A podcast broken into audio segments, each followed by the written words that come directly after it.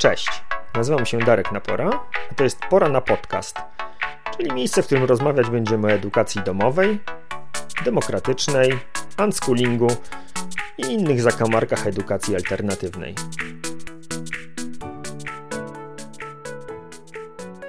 W dziewiątym odcinku Pora na Podcast zapraszam na rozmowę z Olą Misztal, uczennicą drugiej klasy liceum, która wyprowadziła się z domu i rozpoczęła pracę. Żeby mieć na to czas, odeszła też ze szkoły i rozpoczęła edukację domową.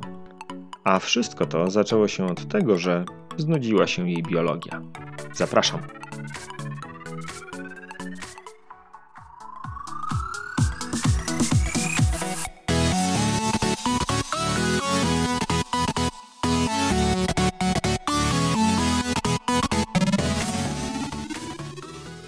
Dobra, jesteśmy. Okej. Powiedz mi, e, co u ciebie ciekawego, co rano zrywa cię z łóżka, co wieczorami nie daje usnąć, co w tobie żywe? To tak. Idealną odpowiedzią na to pytanie jest kot, ponieważ to on mnie rano czasem zrywa z łóżka, jak na przykład sobie leżę i po prostu chodzi do pokoju i skakuje mi na łóżko i na przykład pakuje się na głowę. A tak ogólnie to było przez chwilę właśnie bardzo spokojnie, już tak płynnie. I, I dosłownie przed chwilą dowiedziałam się, że nie mam pracy, także jest znowu etap szukania. Mam nadzieję, że coś z tego będzie. Aczkolwiek niedobrze, bo jest środek pandemii i jest listopad, więc wątpię, że coś znajdę. A, no więc od, od, razu, e, od razu w pierwszej odpowiedzi zawadziłaś o temat, który jest tak naprawdę przyczyną naszego spotkania, który mnie zafascynował bardzo podczas e, tego naszego pierwszego spotkania, w którym e, ty byłaś egzaminowaną, a ja egzaminatorem. Natomiast ta opowieść o tym, że pracujesz, e, była dla mnie mega, mega ciekawa. Gdybyś mogła wrócić do tego momentu, kiedy, kiedy podjęłaś e, w zasadzie tych kilka szalonych decyzji, bo po pierwsze jesteś w edukacji domowej, po drugie do niedawna miałaś pracę, rozumiem, że wciąż, e, że wciąż szukasz pracy Tak, aktualnie tak. i jeszcze na dodatek, z tego co pamiętam, nie mieszkasz z rodzicami w domu, tak? Nie. No słuchaj, jak, jak, to, jak to mówię, to już widzę, czy wyobrażam sobie te wszystkie y, kilkunastoletnie osoby, które, dla których jesteś po prostu spełnieniem wszystkich marzeń. Nie masz na głowie rodziców, e, sama decydujesz o własnych pieniądzach i jeszcze nie musisz chodzić do szkoły. No po prostu ideał, wymarzona, wymarzona sytuacja. Więc e, nie wiem, od którego miejsca chcesz zacząć, co tak naprawdę było tym pierwszym krokiem. Czy to się zaczęło od edukacji domowej, czy od wyprowadzki, czy od pracy? Jak to u ciebie wyglądało? To się wszystko zaczęło od wyprowadzki. Bo to było tak, że ja mieszkałam. y, To było tak, że jak miałam 4, 13 lat, to moja mama wyprowadziła się do Irlandii i ja razem z nią. I mieszkałyśmy tam przez y, rok. I potem w wyniku pewnych sytuacji zde- zdecydowałam się, że chcę wrócić do Polski, a że moi rodzice są rozwiedzeni i mój tata jakby nie ma praw rodzicielskich, to zamieszkałam z babcią. I mieszkałam z babcią y, przez, w ogóle straciłam klasę przez to, ponieważ ja powinnam być teraz w trzeciej klasie, ale jestem w drugiej, właśnie przez to, że mieszkałam w tej Irlandii przez rok i tam jest zupełnie inny tryb nauczania mm, i w ogóle poziom się, poziomowo się bardzo różni. I wróciłam i jestem jakby klasę niżej i powinnam być w trzeciej, jestem w drugiej. I mieszkałam przez 3 lata z moją babcią i wtedy już po tych trzech latach, jak już miałam 17 lat i byłam chwilę przed osiemnastką, to stwierdziłam, że chciałabym się wyprowadzić, bo no jednak babcia jest kochana i ja ją naprawdę bardzo kocham, ale ciężko się z nią mieszkało, oj ciężko. I, I po prostu stwierdziłam, że chcę się wyprowadzić i zaczęłam szukać pokoi, jakby takich tanich kawalerek i tak dalej. Właśnie to, to było śmieszne, bo rozmawiałam wtedy z przyjaciółką i znalazłam taki dom, czy właśnie taki, takie, taki, taki pokój w suterenie i, I tak właśnie rozkminiałyśmy, czy w ogóle jest sens iść na to patrzeć, czy nie ma sensu iść na to patrzeć, czy, czy co. I, I właśnie Weronika powiedziała, że y, ej, wiesz co, to ja w sumie zapytam mamy, bo u nas stoi jeden pokój, który jest nieużywany. Że taki, no w ogóle Bercia, stój! Twoja mama przecież, no co ty, to, to się nie uda w ogóle. I Bercia w ogóle rzuciła telefon, poszła do mamy i tak, mamo, Ola może z nami zamieszkać, a, a, pani, a właśnie pani Ula, okej. I, I następnego dnia przyszłam y, dogadałam się w ogóle, jeżeli chodzi o czynsz, w ogóle o ten pokój. tak to wyszło. I ile miałaś wtedy lat? Miałam 17 lat, byłam chwilę przed 18, z miesiąc mniej więcej. I. I potem właśnie było tak, że były ferie. Jeszcze nie miałam 18 lat wtedy. I, I w ogóle wtedy w te ferie zaplanowałyśmy sobie cały remont i zrobiłyśmy ten remont. I zaczęłyśmy właśnie planować, że. Bo ja też miałam jakby oszczędności po to, żeby jak się właśnie wyprowadzę, to żeby na przykład móc sobie kupić biurko czy coś w tym stylu. I specjalnie pracowałam w wakacje po to, żeby je mieć.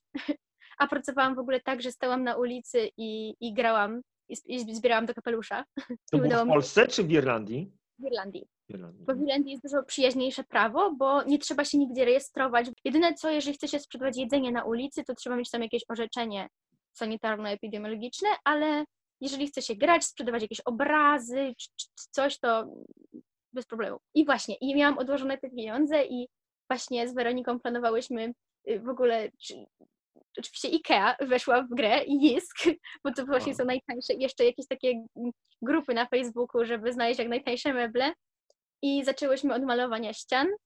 Później przyszły meble, to wam skręcałyśmy dwa dni generalnie, ale, ale wszystko jest, stoi i, i jest super. Dobra. I jak długo już tam mieszkasz? E, Od, od lutego mniej więcej. To luty, marzec, kwiecień, maj, czerwiec, No lipiec, sierpień. No ponad, ponad, ponad pół roku. Okej. E, No dobrze, to słuchaj, masz e, już ten etap, który większość osób e, przebywa gdzieś tam w momencie, kiedy odcinają pępowinę z rodziną i pierwsze swoje mieszkania remontują pewnie koło 20 któregoś tam roku życia. Także o tyle już będziesz miała łatwiej, że, że wiesz z czym to się je. Dokładnie. E, Słuchaj, a jak, e, a jak w tym wszystkim pojawił się, e, pojawił się element pracy? Bo to, to jest chyba najbardziej kontrowersyjny temat, choć mam nadzieję, że nie najbardziej obszerny, bo najbardziej oczywiście interesuje mnie ta edukacja domowa, która jest wspólnym mianownikiem wszystkich tych spotkań. To jest tak, że ja utrzymuję się generalnie moim takim stałym przychodem, takim najbardziej pewnym, są alimenty, ponieważ i moja mama, i mój tata płacą mi alimenty na utrzymanie. I te alimenty są takie, że jakbym przycisnęła się, to byłabym w stanie na nich przeżyć jakby bez problemu. No trzeba byłoby uszczuplić pewne budżety i jakby rozsądnie bardzo planować i uważać na wszystko, ale tak, jak na przykład cokolwiek się wydarzy, to wypadałoby po prostu mieć takie pieniądze, które są, o, kot miałczy, No. po prostu nietykalne, które po prostu leżą na koncie i, i sobie tam śpią. Ale jednak, no kurczę, zawsze jest lepiej, gdy tych pieniędzy jest więcej niż mniej i zawsze właśnie staram się jak najwięcej odkładać, ale też na przykład pojawiają się takie potrzeby jak y, musiałam zmienić krzesło, bo kupiłam wcześniejsze używane i ono już tak troszeczkę nie, nie bardzo, więc na przykład teraz kupiłam krzesło albo mam trochę problemów ze zdrowiem, więc jak chodzę prywatnie do lekarzy, to też się za to płaci i to, to, to nie są małe kwoty. Więc właśnie dlatego zależało mi, żeby nie podbierać z tego odłożonego budżetu, żeby mieć tak co miesiąc jakieś takie pieniądze, które bez problemu mogę wydać i po prostu nie martwić się o to, że, że, że ten właśnie odłożony budżet maleje. Więc pojawił się element pracy i ja zaczęłam pracować, właśnie zaczęłam od tej gry na ukulele i, i śpiewaniem właśnie na, na ulicy w Irlandii i tak pracowałam y, przez każde wakacje i z tego były, no z tego były takie fajne pieniądze, bo po pierwsze w euro, To A- robi różnicę, wiadomo. różnice, to prawda, a poza tym ja też wtedy utrzymywałam, jakby u babci nie płaciłam czynszu ani nic, y, więc tych pieniędzy było więcej, więc po prostu sobie odkładałam. Mm, Albo wydawałam na jakieś tam rzeczy, na przykład na obóz pojechałam żeglarski. Y, A później, jak już, bo pierwszy raz właśnie pojechałam na obóz żeglarski, a później już jeździłam sama ze znajomymi. I także miałam właśnie na jakieś takie na wakacje, właśnie na obóz, albo na żagle później, albo na jakieś takie rzeczy, które po prostu chciałam kupić, albo potrzebowałam akurat wtedy. I pracowałam sobie tak właśnie do zeszłych wakacji, bo te wakacje przepracowałam jako trener żeglarstwa. I bo ja w ogóle też żeglowałam regatowo bardzo długo, tak sportowo.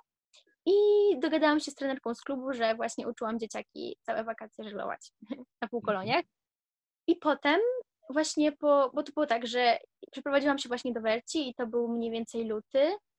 Mm, Wtedy nie pracowałam, wtedy się już za czymś rozglądałam. No a potem był ten wielki lockdown. Ja też jeszcze wtedy chodziłam normalnie do liceum, więc szukałam czegoś takiego w godzinach takich jak najbardziej popołudniowych.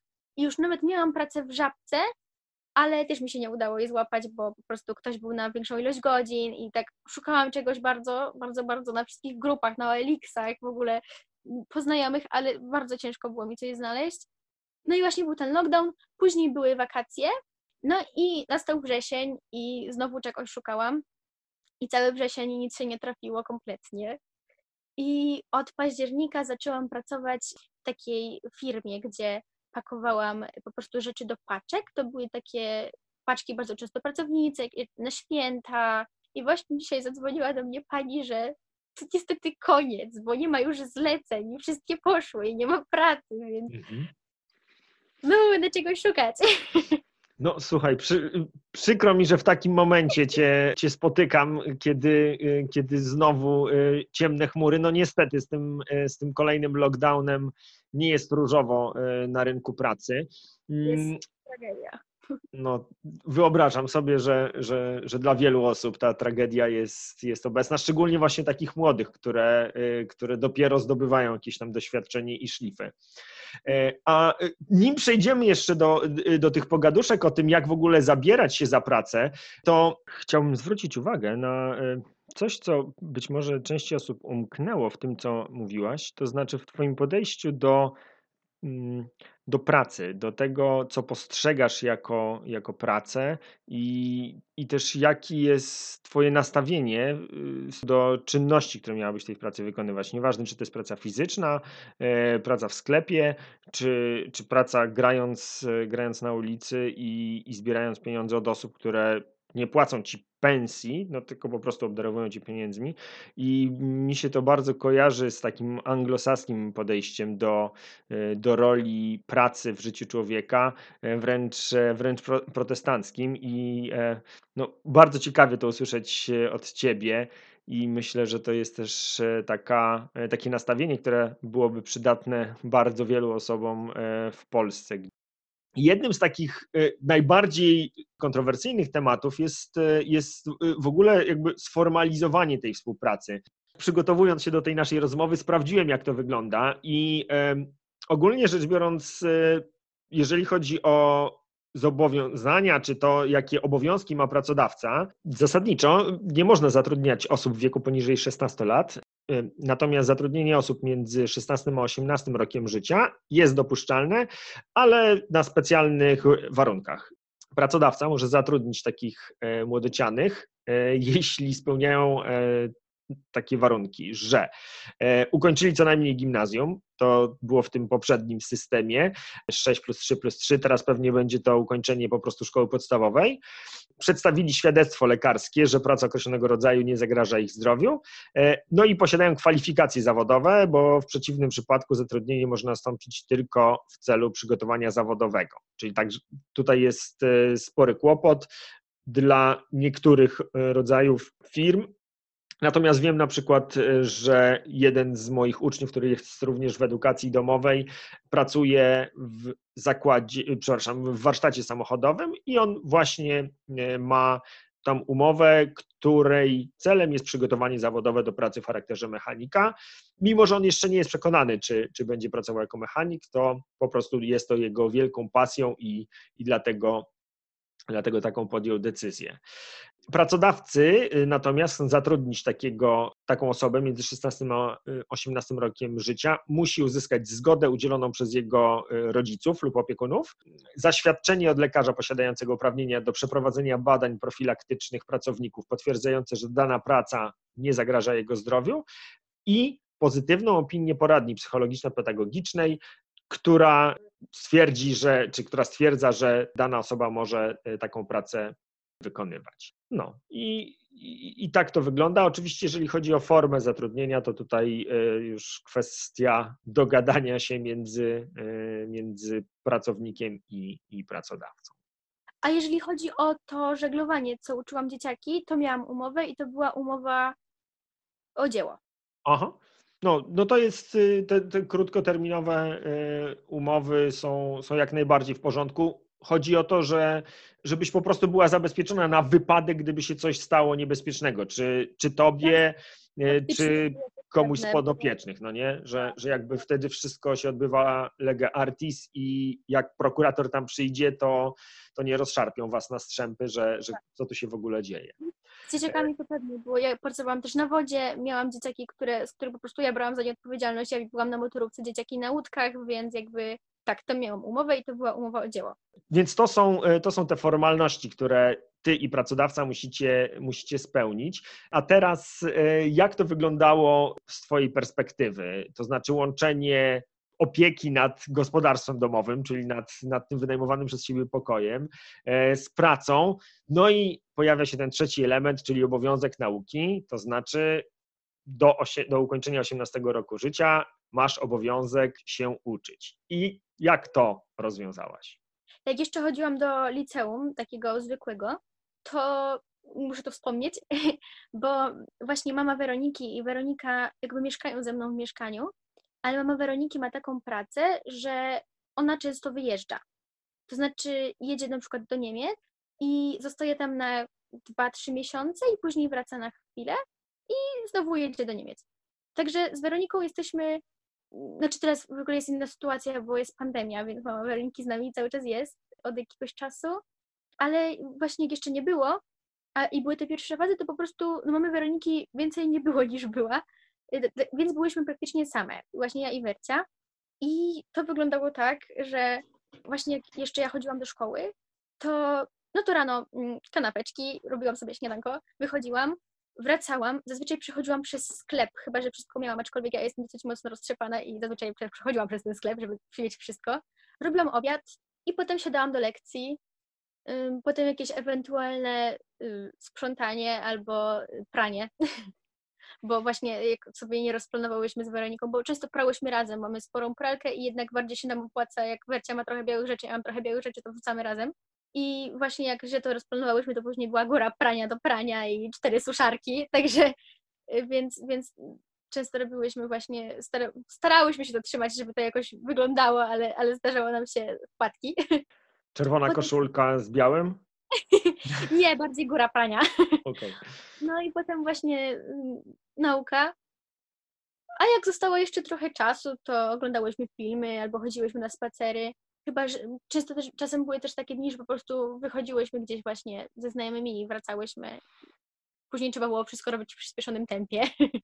Okay. Pomijając obiad najczęściej, bo jak już gdzieś byłyśmy, to nie jadłyśmy. No, Kumam. także trzeba było trochę to zorganizować, ale to nie jest coś nie do przeskoczenia. No, dorośli tak, e, dorośli ludzie, którzy nie bimbają sobie chodząc do szkoły, a rodzice im usługują, tak właśnie, tak właśnie żyją. E, no i ty już jesteś, e, ty już jesteś w tym, w tym momencie. Natomiast z jakiegoś powodu rozumiem, że od nowego roku szkolnego, tak, podjęłaś decyzję o tym, że tą normalną szkołę zostawiasz i e, przeszłaś do edukacji domowej. Tak, bo to, to wyglądało mniej więcej tak, że ja stwierdziłam w pewnym momencie po tym pierwszym roku, że w ogóle to ja chodziłam na taki profil, którego nie było praktycznie. Był w kilku szkołach. To jest biologia polski angielski. I, I wtedy mi bardzo zależało, żeby właśnie mieć tą biologię polski angielski i w to szłam i to było dla mnie to. Ale po tym pierwszym roku Y, ja stwierdziłam, że chyba jednak nie chcę zdawać biologii na maturze, ponieważ biologia na maturze jest dosyć ciężka. O ile bardzo mi się podobała biologia i dalej mi się podoba, to jednak mm, forma tego, jakby forma tego, jak wygląda egzamin maturalny, jest przerażająca. I też jakby sprawdziłam sobie, że pod te studia, pod które bym chciała, to ta biologia wcale nie jest jakoś y, wymagana, w sensie ja bym bardzo chciała pójść na psychologię i chciałabym pójść na psychologię w Krakowie. I w Krakowie są mm, dwa kierunki. Na jeden potrzeba, y, są jakby dwie psychologie na UJOcie i na jedną potrzeba właśnie biologii angielskiej, na drugą biologię, boże, na jedną biologię angielskiej, na drugi angielski i jeden przedmiot z wielu, w czym tym może być polski. Więc stwierdziłam, że niekoniecznie jest mi turbo potrzebna ta biologia, i że chyba po prostu nie chcę jej zdawać. A jak nie chcę jej zdawać, to tak trochę nie ma sensu chodzić na, na, na ten przedmiot, bo po co w takim razie? I też moi kuzyni y, byli w edukacji domowej od zawsze praktycznie, odkąd ja pamiętam. I, I im bliżej było roku szkolnego, tym bardziej byłam przekonana, że ja nie chcę wcale tej biologii, że niby mam w porządku nauczycieli, ale tak jednak nie do końca to jest to, czego ja bym chciała. I właśnie im bliżej było roku szkolnego, tym, tym jak głębiej o tym myślałam, aż w końcu zadzwoniłam do cioci i ciocia mi powiedziała, co i jak mam zrobić i też właśnie poleciła mi szkołę, w której były jej dzieciaki. No i stało się. Edukacja domowa. Ta biologia nie była jedynym powodem, bo też stwierdziłam, że od nowego roku, bo miałam wtedy dużo więcej oszczędności i im dalej, im dalej, im dalej w czas, tym one topniały. Y, odłożyłam trochę przez wakacje właśnie dzięki pracy, ale też stwierdziłam, że od nowego roku chciałabym mieć po prostu coś stałego i stwierdziłam, że po prostu bardzo mi ciężko wtedy było znaleźć, faktycznie nie znalazłam pracy taką na popołudnie, więc stwierdziłam, że jak będę w edukacji domowej, to będę w stanie te godziny pracy po prostu y, dopasować do pracodawcy, a ja będę po prostu się uczyć wtedy, kiedy będę po pracy. I to też właśnie też przeważyło szale. Stwierdziłam, że, że, że to jest chyba do, dobry, dobry pomysł i, i się nie pomyliłam. No I tak uważam po pierwszym egzaminie. Tak, no to, to było nasze wspólne doświadczenie.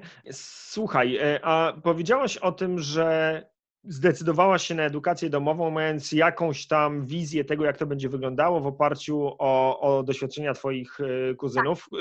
Kuzyni w Polsce, rozumiem, byli w edukacji domowej? Tak, tak, tak, tak. Dobra, e, więc e, pierwsze pytanie, które chciałbym, żebyś spróbowała odpowiedzieć, o ile jeszcze pamiętasz e, ten czas przed podjęciem decyzji o edukacji domowej, jak ty sobie wyobrażałaś, że to będzie, że to będzie wyglądało? Czy miałaś jakiś obraz tego, jak będzie wyglądał twój dzień, jak będą wyglądały twoje, nie wiem, obowiązki, jak będziesz to sobie organizować? Miałam pewne pojęcie, bo no, z kuzynami znam się długo, długo, długo, długo.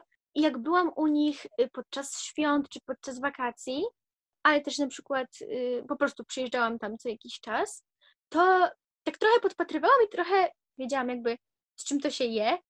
To nie było tak, że nie wiedząc nic o edukacji domowej, ja się na nią decydowałam. Też o spore rzeczy pytałam właśnie, jak to wygląda, jak są te egzaminy. Ja w ogóle byłam przekonana, że ja nie będę się w stanie sama uczyć, że tak bez nauczyciela w ogóle, że ja się w ogóle się nie połapię, że nie, nie ma w ogóle szans. A się okazało, że się da. No y, dobra, tylko widzisz, przepraszam, wejdę tobie w słowo, bo mhm. y, to, jak y, wygląda edukacja domowa, mega się różni między różnymi rodzin, rodzinami. Są rodziny, które po prostu przenoszą jeden do jednego szkołę do domu, dzieci siadają z rodzicem i jest Wiesz, nawet mhm. często podział na 45-minutowe jednostki, wyciągamy podręczniki, będziemy się teraz uczyć. Po drugiej stronie spektrum są rodzice, którzy w ogóle to puszczają luzem i stwierdzają, że nie, moje dzieci będą robić co chcą i ja w ogóle się tym nie zajmuję, oni się rozwijają w swoim tempie i w swój wybrany sposób. Więc to moje pytanie, właśnie chciałem jakby zaprosić Ciebie do podzielenia się tym, jak to wyglądało w tej rodzinie mm, Twojego kuzynostwa i na ile ten obraz z ich rodziny przekłada się na to, co teraz u Ciebie się dzieje. Czy, czy, to, czy tutaj jakby coś się zmieniło, czy, e, czy te wyobrażenia i wzorce, które widziałaś u, u rodziny, sprawdzają się u Ciebie e, w Twojej sytuacji? Dzieciaki uczą się same i to, to wiem. Mhm. Też pamiętam, że mm, też chyba chodzą, pamiętam, że Zosia chodziła na literaturę na pewno takie po prostu zajęcia z literatury tak po prostu. I, i chyba na języki, ale to nie jestem pewna. I tak do, doraźnie się korkowała. To, to wiem na pewno. No to tak, dzieciaki uczą się same, jeżeli chodzi o, o właśnie ten model w lewo czy w prawo, to tak, mhm. absolutnie same, z czego co mi tam wiadomo. I jak to jest u mnie, ja też właśnie jak już się stwierdziłam, już się zapisałam do szkoły, to po prostu przegadałam z Zosią w ogóle chyba kilka godzin, w ogóle jak ja to mam robić i, i co ja mam robić i w ogóle jak się do tego zabrać i czy y, robić notatki, ale jak robić notatki y, i tak dalej. I po prostu wszystko, co, co teraz robię, to tak naprawdę właśnie pokazała mi y, Zosia i właśnie ciocia Madzia. i to działa. To absolutnie działa i jest w porządku. Podoba mi się. No dobra, ale ja Ciebie nie zostawię na, taki, na takim powierzchownym wytłumaczeniu tej e, sytuacji. E, to działa, w sensie co? Jak, tak kawa na ławę, jak wygląda, e, jak wyglądało Twoje wczoraj? No, wczoraj był wtorek. E, byłaś jeszcze wczoraj w pracy, czy nie? Nie, bo, bo to było tak, że właśnie powiedziano mi, że, że właśnie y, poniedziałek, wtorek y, jest y, generalnie być tam inwer, inwer, inwentaryzacja. Tak, dokładnie. I że mam, y, no, że nie będę potrzebna, mhm. więc, więc tak. Akurat moje wczoraj wyglądało tak, że jechałam sprzedać krzesło do Wadowic i zeszło ten prawie cały dzień, ale taki ogólnie dzień szkolny, właśnie dzień, w którym się uczę, to mm, mam podręczniki do, do poszczególnych przedmiotów, mam też zbiory zadań do różnych przedmiotów i mam też jakby większą ilość podręczników niż jeden do danego przedmiotu, chociaż na przykład nie ze wszystkich programów tak jest, matko, zapytla się to. Ale to jest tak, na przykład do polskiego mam y, dwa rodzaje podręczników, jakby do, do tej samej klasy i jeszcze repetytoria. I, I to jest tak, że jak zabieram się po prostu za jakiś temat, to na początku sobie właśnie czytam w podręczniku, co jest na ten temat, y, zaznaczam markerem takim, y, zakreślaczem ważniejsze rzeczy, jakieś daty na przykład w historii albo po prostu jakieś takie pojęcia i później y, biorę sobie kartkę i robię mapę myśli.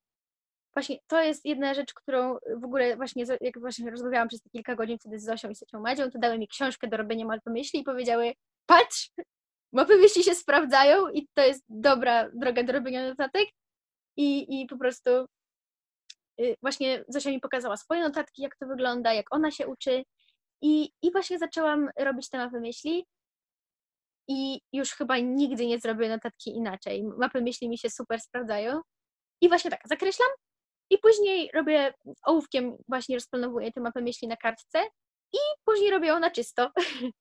A jak to wygląda, jeżeli chodzi o budżet y, czasu? Jak y, chodziłaś do pracy, to, y, to była jakaś nie wiem, praca zmianowa, czy pracowałaś y, normalnie w ciągu dnia?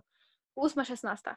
8-16. No dobra, czyli wychodziłaś rano do, rano do pracy, y, a ile czasu i kiedy poświęcałaś, y, no wiesz, no mieszkasz y, z koleżanką, jej mama raz jest, raz jej nie ma, no, trzeba ogarnąć chałupę, trzeba przygotować sobie coś do żarcia, no i, i wciąż jeszcze się masz uczyć. No, by, bywało ciężko, bo jak na przykład poszłam za późno spać albo za, za, długo posiedziałam, to później budziłam się zmęczona i chodziłam spać, boże, szłam do pracy i wracałam jeszcze bardziej zmęczona, ale ogólnie to właśnie jak wracałam, bo też było tak, że y, właśnie taka y, pani, z którą pracowałam, y, mieszka tutaj obok mnie, więc ja się zabierałam z nią samochodem, tak mi się udało. Mhm. Y, I ona mnie też odwoziła, jak wracała do domu, także byłam 16.30 mniej więcej w domu. Potem od razu obiad. Ale zaraz, zaraz, skąd się brał ten obiad? No przecież ktoś musi ugotować obiad. Gotowanie obiadu, tak. Okej. Okay. I ja, ja właśnie gotuję sobie sama, bo mam też nietolerancje pokarmowe, więc jak jeszcze one były nieodkryte, to zdarzało się, że właśnie mama Werci coś zrobiła, później ja zrobiłam czasem też dla niej i, i tak dalej, ale, ale właśnie odkąd mam te mm, alergie pokarmowe, coś zdiagnozowane, to po prostu no, gotuję sobie zupełnie sama. Najczęściej są to makarony, bo mhm. uwielbiam. Jednogarnkowe rzeczy, proste, szybkie. Więc właśnie tak. Wracałam, robiłam obiad, później siadałam sobie chwilę po obiedzie y, albo ogarniałam rzeczy jakby takie na bieżąco w pokoju, albo mm, po prostu tak odpoczywałam, bo jednak wiem, że po posiłkach mi się nie jestem w stanie siąść. Po prostu jestem mocno rozespana i trzeba najpierw strawić, później można coś robić mhm. umysłem. Y, I potem, potem się dałam do nauki. I ile to, by, y, to zajmowało? W sensie, ile czasu dziennie tak mniej więcej poświęcałaś na, y, na naukę? No myślę, że, bo inaczej, jakby można się uczyć i uczyć i jakby siedzieć nad tą książką i nic, nic za bardzo z tego nie wynika i też uczyć się po prostu, że się robi rzeczy. Więc takie maksymalny w ogóle poziom mojego skupienia w ogóle w dniu i tak nie, w sumie nieważne, czy to był dzień pracy, czy, czy nie, to, to to jest tak mniej więcej 3-4 godziny maks, bo po prostu później już ciężko jest. Mhm. Ja też generalnie jak dostałam mniej więcej właśnie rozpiskę egzaminów, to mniej więcej staram się po prostu planować i patrzeć, y, ile mniej więcej, ile mam materiału. Ja to mniej więcej robię rozdziałami, że jak mam po prostu rozdziały dane, to patrzę, ile ich mam i później dzielę to przez y, liczbę po prostu y, dni, które mam do nauki i wychodzi mi, ile mam czasu. Zdarza się, że nie zrobię po prostu tyle w tym danym dniu, ile, ile, ile trzeba, dlatego staram się mniej więcej tak ramowo mieć, ile muszę zrobić dzisiaj, bo jeżeli tego nie ma, to ja po prostu nie wiem, czy wyrobię się do egzaminu, czy się z tym nie wyrobię do egzaminu. No i tak się nie da. Trzeba mniej więcej zaplanować. Także ramowo mam mniej więcej, ile, ile rzeczy muszę zrobić. No i staram się tego trzymać. Jak, jak nie wyjdzie, to gdzieś tam później nadrabiam albo weekendami, bo y, mam też tak podzielony tydzień, że właśnie weekendy są wolne. Okej, okay. to, to, było właśnie kolejne pytanie, które chciałem Ci zadać, o to jak wygląda twój, e, twój czas wolny, e, weekendy, jakieś święta, takie dni ustawowo wolne e, od pracy, mm, bo rozmawiałem już z kilkoma osobami na ten temat i jedna z osób, z którymi rozmawiałem, ma ciekawą teorię, to jest Konstantyn, który teraz jest na prawie na drugim roku i on ma taką metodę, którą sam sobie wymyślił, żeby nie nie lubić poniedziałków, to uznał, że on będzie po prostu tak samo wyglądał jego każdy dzień tygodnia. On, on powiedział, że zajmuje mu to dwie, no maks trzy godziny dziennie, ale że nieważne, czy to jest wakacje, sobota, niedziela, 1 e, maja, on, za, zawsze odrabia swoją pańszczyznę. Jak to wygląda e, u ciebie? Czy usłyszałem, że masz wolne weekendy, a jak planujesz e, mm, zagospodarować jakieś. Dzisiaj mamy, kiedy to nagrywamy, 11 listopada. E, czy dzisiaj poświęcałaś czas na naukę, czy to był dzień wolny dla ciebie? Wolne. Dobra. A jak planujesz to robić w przyszłości? Z wakacjami, jakimiś feriami? E, jak, jak, jak to sobie wyobrażasz, że to będzie wyglądało? Właśnie u mnie weekendy też wyglądają tak, że jeżeli ja się z czymś nie wyrobię po prostu przez cały tydzień, to są te takie dziury, że gdzieś tam mi nie, nie wyszło, to, to staram się to nadrabiać wtedy.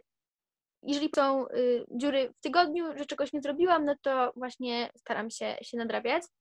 Y, jeżeli chodzi o święta, to, to popatrzyłam sobie w kalendarz i popatrzyłam sobie w swoje egzaminy i w swoje jakby rzeczy, terminy i tak dalej, rozdziały i tak dalej. I po prostu stwierdziłam, że ten tydzień, kiedy będą święta, to jest wolne. Stwierdziłam, że da się tak zrobić, żeby było wolne. Jeżeli chodzi o wakacje, to mimo, że jeszcze ich nie ma, to właśnie stwierdziłam, że chciałabym coś robić. Po prostu, że, żeby mm, tak się nie zastać, bo to też będzie klasa maturalna i po prostu zrobić po prostu chociaż jakieś takie powtórki albo rzeczy, które były nie do końca dokładnie zrobione jakby w ciągu roku szkolnego, to żeby po prostu mieć takie tip-top notatki, bo mi się najlepiej uczy jednak ze swoich rzeczy. W sensie, jak mam po prostu pozakreślone w podręczniku, to no ja to muszę po prostu przełożyć na, na swoje. Mhm. Dobra, a powiedz mi, wspomniałaś o mapach myśli, o podręcznikach. Czy to są jedyne materiały, z których korzystasz ucząc się, czy masz jakieś jeszcze inne źródła? Jedyne, jak na przykład, yy, też to mi ciocia mówiła i, i staram się tak robić, że jeżeli coś mnie zainteresuje, po prostu na przykład robię sobie tam coś z hisu i jeżeli coś mnie zainteresuje, to mam szukać po prostu rzeczy, jakichś filmów na ten temat, jakichś takich dokumentalnych, albo w ogóle takich dodatkowych rzeczy na temat, na tematy, które są dla mnie po prostu ciekawe. Wszystko pięknie. Mm, opowiedzieliśmy już, jak to, jak to w Twojej sytuacji wygląda. E, to teraz e, kluczowe pytanie. Jak to zrobić, żeby namówić rodziców na takie rozwiązanie? No bo wiesz, to, żeby to wszystko się mogło stać, to y, muszą wyrazić zgodę rodzice y, na edukację domową, na pracę, rozumiem, na samodzielne mieszkanie również. Jak to wyglądało w Twojej sytuacji? Um, no, łatwo nie było. Y, to, to było tak, że właśnie jak się wyprowadzałam, to babcia bardzo rozpaczała. Oj, bardzo, że, że przecież jakby to obracała to w taki sposób, że u niej mi źle i dlatego ja się wyprowadzam, a nie dlatego, że po prostu no chciałabym się trochę usamodzielnić i jakby też uważam, że no nie mogłabym wiecznie mieszkać z babcią. I no to, to było ciężkie, ale po takich długich rozmowach udało nam się właśnie dojść do tego, że ja nie znikam z jej życia, że będziemy się widywać, że ja będę przychodzić, że będę dzwonić i tak dalej. Więc, więc tu, tu, tu jakoś, jakoś poszło. Mm, z pracą to y, babcia się absolutnie nie zgodziła, jak jeszcze nie miałam tych 18 lat, żebym poszła do pracy. Strasznie marudziła, jak szukałam i była bardzo, bardzo na nie, ale jakby nie udało mi się nic znaleźć, więc nie było czego forsować. Y, a jeżeli chodzi o edukację domową, to ja już byłam wtedy jakby pełnoletnia i mm, postawiłam trochę przed faktem dokonanym, bo jakby ja też jak się przeprowadzałam do Polski, to o tym myślałam i powiedziałam to właśnie babci, ale babcia była, że to kompletnie nie, że ja iść do szkoły i koniec. I jakby nie, nie była w ogóle otwarta na, na rozmowy, ale też w ogóle dopiero wtedy przyjechałam do Polski, dopiero wtedy zaczynałam mieszkać z babcią, więc nie, nie, nie upierałam się y, przy swoim i po prostu poszłam do szkoły.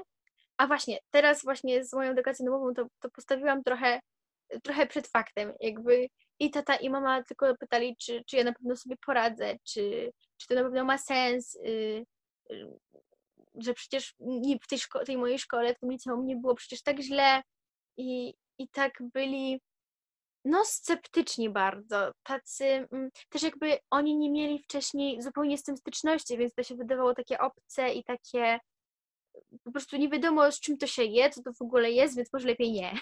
Dobra, a, a jak poprowadziłeś e, z, najpierw z babcią, czy najpierw z rodzicami tą rozmowę i, i, i jakich, nie wiem, argumentów, czy jakich zabiegów, czy używałaś, żeby ich do tego e, przekonać? Bo rozumiem, że, że to i dla babci, i dla rodziców była, była trudna decyzja, e, którą ty na dodatek podjęłaś i, i zainicjowałaś. Tak, inaczej, mama była na tak, bo po prostu y, powiedziała, że wspiera, że w porządku, że nie ma mhm. problemu. Babcia przyjęła to też w miarę spokojnie, bo jakby yy, też właśnie to powiedziała, że no bo w sumie zastanawiałaś się już nad tym wcześniej w gimnazjum, a ja, że właśnie tak, tak i właśnie jednak zdecydowałam się tak na 100% i że na pewno tak. Yy, więc babcia była, tylko się bała, czy, czy ja na pewno sobie poradzę z tym, że y, czy na pewno chcę zostawiać szkołę, bo mam tam koleżanki i tak dalej, i tak dalej. Ale ogólnie to, jak już właśnie powiedziałam, że jestem na 100% pewna, że to jest to, y, to powiedziała, że w porządku, że no jakby, no okej. Okay. Tata najbardziej oponował chyba z tej całej trójki. Mm. Kurczę, tata, tata, tata się chyba bał też trochę, że, że straci kontrolę, bo w normalnej szkole to jest właśnie Librus, jest dziennik, można zaglądać, jakby patrzeć na postępy, czy, czy ja faktycznie coś robię, bo ja też jakby nie mieszkam ani z tatą, ani z babcią, więc oni jakby nie, nie mogą na to patrzeć, czy, czy, czy ja faktycznie, nie wiem, na przykład danego dnia robię coś do szkoły, czy, czy nie, czy na przykład tego dnia odpuszczam i stwierdzam, że zrobię to po prostu jutro. A kiedy jest e-dziennik, to no wiedzą, kiedy jestem w szkole, jakie mam oceny i to czasem szybciej niż ja, czy chodzę do szkoły, czy nie chodzę do szkoły. I jak mam wrażenie, że właśnie dla taty najcięższe było to, że właśnie ten brak kontroli, że on już nie za bardzo będzie wiedział, czy, czy ja coś jednak robię, czy nie robię z tą szkołą, mhm. aczkolwiek nigdy nie uczyłam się źle. Więc tak, tata był właśnie chyba, chyba tego się najbardziej bał w tej całej edukacji domowej. No ale mm, też z nim właśnie tak dłużej pomagałam, że, pogadałam, że właśnie nie chcę rozszerzać tej biologii i że to się wtedy mija z celem. No to też kojarzę właśnie mo, moich kuzynów i właśnie powiedziałam, że, że, że właśnie zasięgnęłam opinii cioci Madzi i że ona mi właśnie we wszystkim pomaga i że będzie dobrze i właśnie wytłumaczyłam mu, że tak, dostanę świadectwo, będzie mógł zobaczyć, że mam oceny, że chodzę do szkoły, to, to, nie, to nie jest tak, że ja po prostu rzucam szkołę i koniec.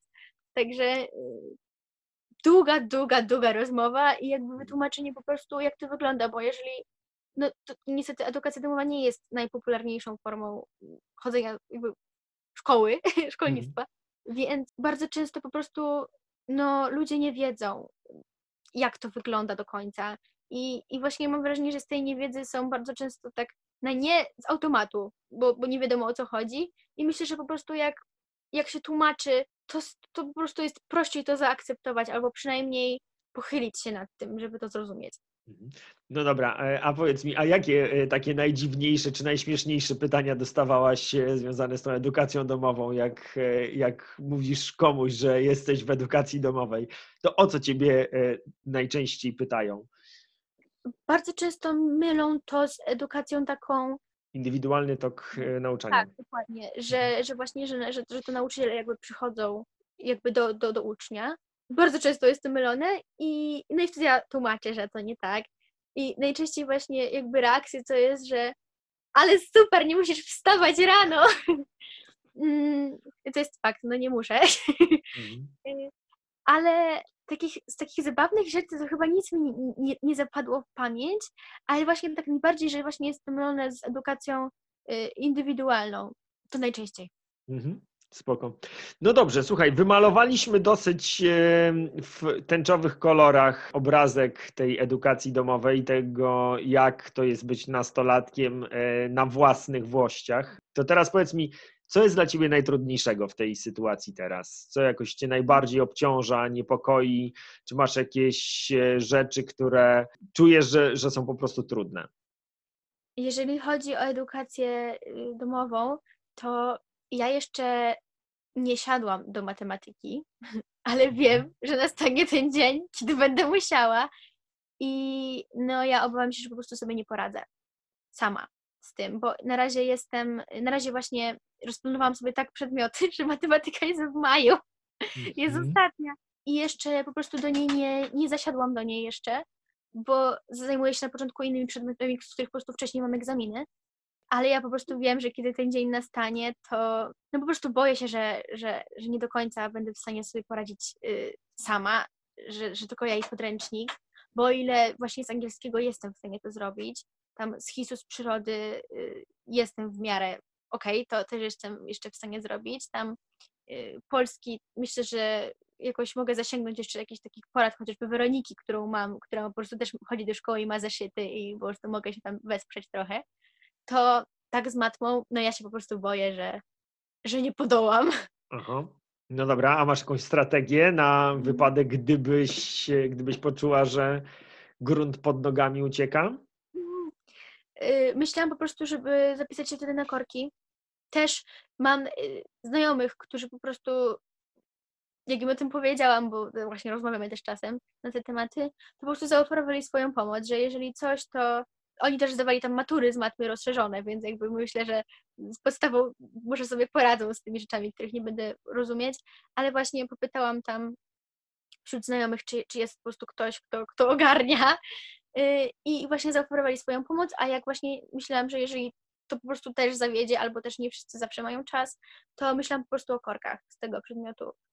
Tak, no matematyka to jest jedno z najbardziej przerażających, jeden z najbardziej przerażających elementów w edukacji domowej. To często się przewija ten, e, ten temat, ale nie będę Cię już dłużej katował tą matematyką. E, Za to e, zapytam Cię o rzecz, która wśród rodziców oraz sceptyków homeschoolingu pojawia się jako jeden z zarzutów bardzo często, to znaczy kontakty z osobami, no po prostu ze światem. Em, W szkole, kiedy przychodzisz do szkoły, masz te kilkaset osób, z którymi się codziennie widujesz, no a w edukacji domowej teoretycznie możesz być zamknięta w czterech ścianach i w ogóle ludzi nie widzieć. No ale wspomniałaś, że masz jednak jakichś znajomych, więc e, powiedz mi, jak to wygląda? Czy w edukacji domowej jest się skazanym na e, bycie socjopatą i spędzenie reszty życia w pojedynkę, czy da się jednak jakoś nawiązywać kontakty z ludźmi, mimo tego, że jesteś w edukacji domowej? Absolutnie nie. tak nie jest. Y, Znaczy inaczej. Też w szkole to mamy tylko te 10-minutowe przerwy na jakąś taką interakcję, y, w których tak myślę, że przez połowę czasu się je, albo pije, albo gdzieś chodzi, a na lekcjach no da się gadać, to prawda, ale po szkole właśnie ludzie się tam ze sobą jakoś y, rozmawiają i jakby spędzają bardziej czas. I właśnie mi się zdarzało po prostu, że jak wiedziałam, że właśnie moja klasa, z którą jakby dalej utrzymuję kontakt, y, rozmawiamy ze sobą właśnie z dziewczynami, bo miałam żeńską klasę, mieliśmy tylko jednego chłopca, to jak najbardziej dalej ze sobą rozmawiamy, dzwonimy, piszemy, wychodzimy. Ja właśnie na przykład, wie, jeżeli wiem, że na przykład oni kończą tam o którejś tam godzinie, to zdarzało mi się po prostu przyjść, jak kończyli lekcje i wyjść gdzieś razem wszyscy. Także to prawda, że jakby część takiego życia szkolnego, takiego wewnątrzszkolnego mnie mija, bo na przykład ja nie wiem, że z powodu, znaczy już wiem, prawda, ale jakby mieliśmy pianino w szkole na, na, na korytarzu i można było na nim grać. Po prostu na przykład nie od razu wiedziałam, że po prostu zostało na przykład zamknięte, jest przykryte pianino podczas kwarantanny albo innych jakby zabawnych sytuacji, anegdotek z lekcji. Y, no to faktycznie takie, takie rzeczy mnie omijają. No to jest jakby o jedna rzecz mniej, z którą mogę rozmawiać jakby z ludźmi ze szkoły, ale pozostaje mnóstwo innych rzeczy, z którymi może, o których możemy rozmawiać i właśnie mam wrażenie, że im więcej jestem w edukacji domowej, tym mam dużo więcej czasu niż jak chodziłam do szkoły na różne rzeczy. I jeżeli mam więcej czasu, to też mogę go poświęcić na to, żeby iść się z tymi znajomymi zobaczyć chociażby w weekend albo właśnie gdzieś po szkole. I też mam Weronikę za ścianą, mhm. więc, więc nie, nie jest źle. Teraz jest też pandemia, więc te kontakty są w ogóle utrudnione i tak czy siak wszyscy siedzą w domach. Ale nie, nie uważam, żebym na tym traciła, na, na edukacji domowej. Mam wrażenie, że zyskuję, ponieważ właśnie no, poświęcam dużo mniej czasu na naukę niż wtedy, kiedy chodziłam do szkoły. I to tak naprawdę dużo mniej, bo przecież ja potrafiłam siedzieć w szkole ile to tak 6 godzin mniej więcej. Później wracałam i siedziałam te 3-4 na robienie zadań, uczenie się do kartkówek i, i tak dalej. Czy miałam gorszy dzień, czy miałam lepszy dzień, czy się źle czułam, czy się nieźle czułam, to musiałam iść do szkoły, musiałam jakby robić te wszystkie rzeczy. A teraz to wiem, że, na przykład jeżeli bierze mnie przeziębienie, albo jestem chora, albo po prostu mam słaby dzień, to ja wiem, że mogę sobie troszeczkę odpuścić danego dnia i świat się nie zawali, nic się nie stanie, bo to nadrobię. Też to jest prawda, że jakby w szkole, szkoła tak trochę trzyma w ryzach, że y, tu są terminy dane i trzeba tu robić rzeczy. W edukacji domowej trzeba się bardzo pilnować, żeby się uczyć. Żeby to po prostu nie, nie obudzić się z ręką w dosniku, że tak powiem, cztery dni przed egzaminem. Trzeba dbać o tę systematyczność, ale poza tym to naprawdę jest dobrze. Na przykład mam takie dni, że na przykład zdarza mi się po prostu bardzo, bardzo mało zrobić i później trzeba gonić, ale jednak y, no gdzieś trzeba się tej systematyczności nauczyć. No i fajnie, że masz okazję się tego uczyć teraz, mając 17-18 lat, kiedy tak naprawdę Twoje błędy i jakieś tam e, zapóźnienia, czy decyzje o tym, że ważniejsze jest spotkanie ze znajomymi niż przygotowanie się przez trzy godziny do kolejnej mapy, tak naprawdę e, doprowadzają tylko do, do, do tego, że rozumiesz, że pff, świat się wcale nie zawali, jak dzisiaj się nie pouczysz.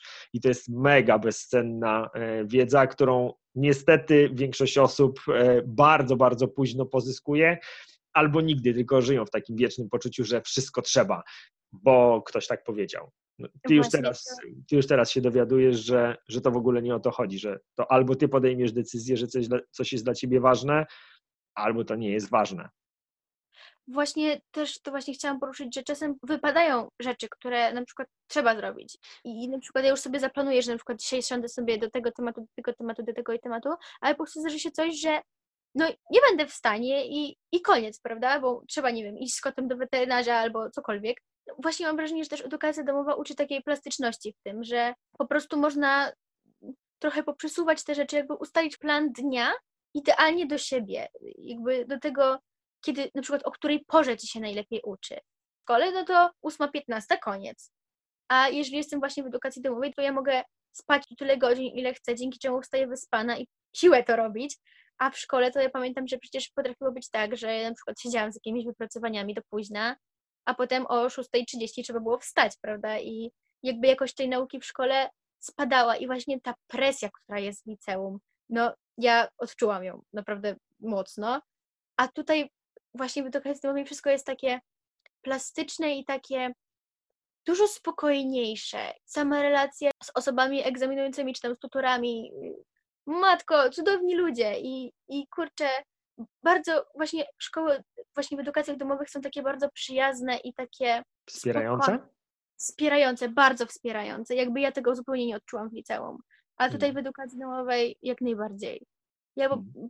czuję się, że właśnie tym ludziom, którzy właśnie pracują, zależy na tym, żebym ja, ja była przygotowana na wszystkie pytania, mam odpowiedzi bardzo szybko i no, no czuję się zaopiekowana. Słuchaj, e, no po pierwsze, jak Ciebie słucham, to Twoja świadomość tego, co się dzieje mm, z Tobą, ale też z osobami wokół Ciebie, po prostu pokłony i, i, i no jest to niesamowite, jak bardzo świadomie do tego wszystkiego podchodzisz. To już będzie naprawdę ostatnie pytanie, nie będę Ciebie przetrzymywał dłużej. Czy sądzisz, że edukacja domowa jest y, dobrym rozwiązaniem dla wszystkich? Czy, czy są jakieś takie cechy czy, czy sytuacje, w których uważasz, że jednak y, edukacja domowa nie byłaby dobrym rozwiązaniem? Myślę, że ta decyzja jakby każdego, który chciałby, miał, miał jakby, był postawiony przed takim wyborem. I myślę, że chyba każdy powinien jakby decydować o tym samemu, bo no jeżeli ktoś faktycznie nie potrafi się zmotywować albo nie, nie jarzy na przykład jakichś takich, nie wiem, matmy albo jakichś takich innych przedmiotów, potrzebuje, żeby ktoś z nim siadł i pokazał mu A do Z, jak to się robi. Myślę, że na przykład jakby w ogóle sama szkoła a szkoła to są dwie różne rzeczy, bo można chodzić do takiego, takiej zwykłej po prostu, takiego, no takiej zwykłej, przeciętnej po prostu szkoły, a myślę, że też na pewno w jakichś takich społecznych placówkach odbywa się zupełnie inaczej. Na przykład jak u nas w Bullerbyn, no to to nie jest taka zwykła szkoła. Umówmy się. Mhm. Więc po prostu wydaje mi się, że to wszystko zależy od osoby. Jeżeli ktoś nie wiem, zastanawia się, to warto popatrzeć, poczytać, jakby zainteresować się, zobaczyć, jak, bo też każda ma wrażenie, że szkoła, która prowadzi edukację domową jest trochę inna i, i trzeba się tam zorientować trochę. Nie wiem, czy to jest rzecz dla wszystkich. Mi się wydaje, że po prostu każdy powinien zdecydować, czy to jest rzecz dla niego, czy nie. Aczkolwiek też mam wrażenie, że to zupełnie inaczej wygląda, jak się o tym czyta, a zupełnie inaczej wygląda, wygląda w praktyce, więc najlepiej jest porozmawiać z kimś, kto po prostu jest. To prawda. E, no ty miałaś ten wielki przywilej, że miałaś tak. w rodzinie już osoby z e, jakim takim doświadczeniem i to, to bardzo, bardzo dużo zmienia i ułatwia. No, szczególnie ta perspektywa e, egzaminów, która wszystkich jakoś przepotwornie przeraża, okazuje się, że, to je, że tym się da tak łatwo zarządzać i tak bardzo łatwo to organizować. No i to, o czym powiedziałaś, że, że te szkoły przyjazne edukacji domowej, one nie są tam po to, żeby udowodnić młodemu człowiekowi czy młodej osobie, czego nie umieją, tylko wręcz przeciwnie, pokazać to, co potrafią. Te wszystkie rzeczy, które potrafisz zrobić e, podczas egzaminu, e, egzaminator stara się e, z ciebie wyciągnąć, żeby pokazać je i tobie, no i żeby zostały potem jako dowód dla jakiegoś tam pana z kuratorium oświaty, żeby Właśnie mógł zabrać na ustnych egzaminach, że to będzie wyglądało jak matura, że ja w ogóle będę musiała mówić, a że jak się zapnę, czy jak czegoś zapomnę, że będą jakieś takie trudne pytania i matko, ja byłam przerażona. Ja, zapomniałam, ja w ogóle zapomniałam połowy słów, połowy czasów, ja nie byłam w stanie powiedzieć spacer na egzaminie, wymyślić słowa spacer. No, strasznie się stresowałam, ale okazało się, że, że jakby zupełnie nie ma czym i, i właśnie to co, to, co właśnie było powiedziane, że jakby egzaminator i nauczyciel jest dla ciebie i on, on ci pomoże przejść przez ten egzamin, e, a to nie jest tak, że siadaj, pytanie, nie wiesz, niezdane, do widzenia. To bardzo ważna e, informacja. Słuchaj, e, bardzo Tobie dziękuję za tę rozmowę. Życzę Tobie powodzenia w poszukiwaniach pracy, bo to no. rozumiem teraz będzie ważny, ważny element przez najbliższych kilka dni. Mieszkasz teraz w Krakowie, rozumiem, tak? Okay. no to dla wszystkich osób, które e, słuchają nas e, z Krakowa i które poszukują bardzo świadomej i odpowiedzialnej osoby, więc e, przez kanały facebookowo, instagramowo, spotifyowe będziemy, będziemy wspierać swoje poszukiwania pracy. Zobaczymy, być może ta rozmowa będzie, będzie otwarciem jakichś drzwi. A jeżeli będziecie mieli pytania, no to śmiało możecie pisać do mnie. Ja ewentualnie, jeżeli będziecie mieli jakieś e, pytania do Oli, to e, będę jej je przekazywał. Wielkie dzięki za rozmowę. Dzięki.